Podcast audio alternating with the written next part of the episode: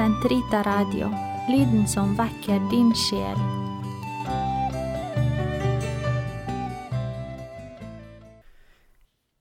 En dåp til syndenes forlatelse. Vår Herre satte syndenes forlatelse i forbindelse med troen og dåpen. Gå ut og forkynn evangeliet verden over, for hver og en som Gud har skapt. Den som tror og lar seg døpe, skal bli frelst. Markus 16, 15, 16. Dåpen er synsforlatelsens første og viktigste sakrament, fordi den forener oss med Kristus som døde for våre synder og oppsto til vår rettferdiggjørelse, for at også vi skal leve og ferdes i en ny tilværelse.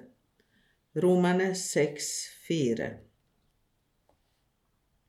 I det øyeblikk vi avlegger vår første trosbekjennelse og mottar Den hellige dåp, som gjør oss rene, er den tilgivelse vi får, så full og hel at det overhodet ikke gjenstår noe som skal viskes ut, verken av den opprinnelige synd eller av de synder som vi av egen vilje har begått, og heller ikke gjenstår det noen straff å sone for å bøte for dem.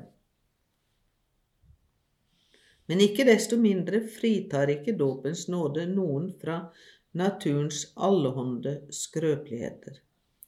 Vi er tvert imot fremdeles nødt til å kjempe mot den lyst som til stadighet drar oss mot det vonde.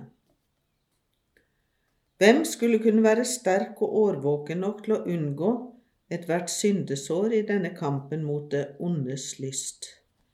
Siden det altså var nødvendig at Kirken fikk makt til å tilgi synder, kunne heller ikke dåpen være den eneste måten tilgjengelig for den til å benytte seg av de nøkler til himlenes rike den hadde mottatt av Jesus Kristus. Den måtte nødvendigvis være i stand til å meddele alle botferdige syndenes forlatelse, om de så hadde syndet inntil sin siste stund. Det er ved botens sakrament den døpte kan forsones med Gud og med Kirken. Med rette kalte fedrene boten en møysommelig dåp.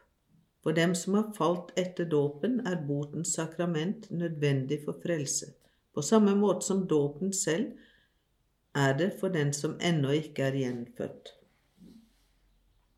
Nøkkelmakten etter oppstandelsen sendte Kristus ut sine apostler så det skulle forkynnes i hans navn blant alle folkeslag at de skulle vende om og få sine synder tilgitt. Apostlene og deres etterfølgere utførte ikke sitt oppdrag å formidle forliket, 2. kor 5, 18, bare ved å forkynne for menneskene den Guds tilgivelse Kristus hadde fortjent for oss, og ved å kalle dem til omvendelse og tro, men også ved å meddele dem syndenes forlatelse ved dåpen og ved å forsone dem med Gud og Kirken, takket være den nøkkelmakt Kristus hadde gitt dem. Kirken har mottatt himmelrikets nøkler slik at syndenes forlatelse ved Kristi blod og Den hellige ånds virke skulle finne sted i den.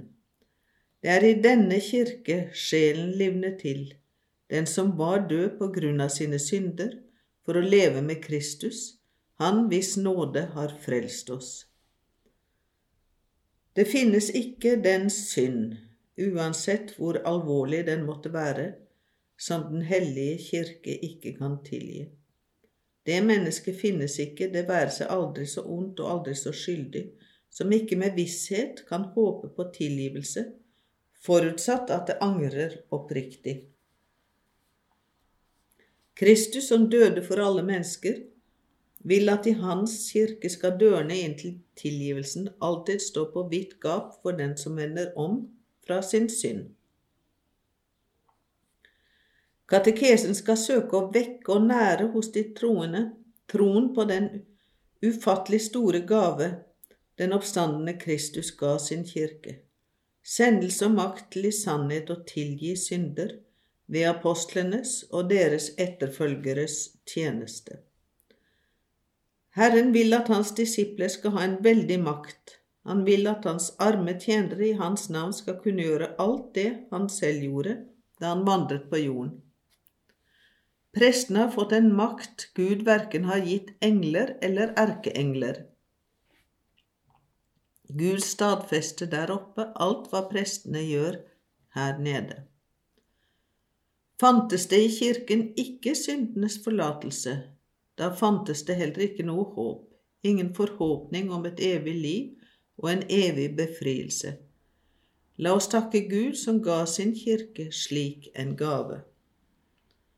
Kort sagt, dåpen er det første og viktigste sakrament til syndenes forlatelse. Den forener oss med den døde oppstandende Kristus og gir oss Den hellige ånd. Etter Kristi vilje har Kirken makt til å tilgi de døptes synder. Den utøver vanligvis denne makten gjennom biskopene og prestene i botens sakrament. I synsforlatelsen er prestene og sakramentene rene redskaper som vår Herre Jesus Kristus vår frelses eneste opphav og formidler, finner, finner det for godt å benytte seg av for å slette ut våre misgjerninger og gi oss rettferdiggjørelsens nåde.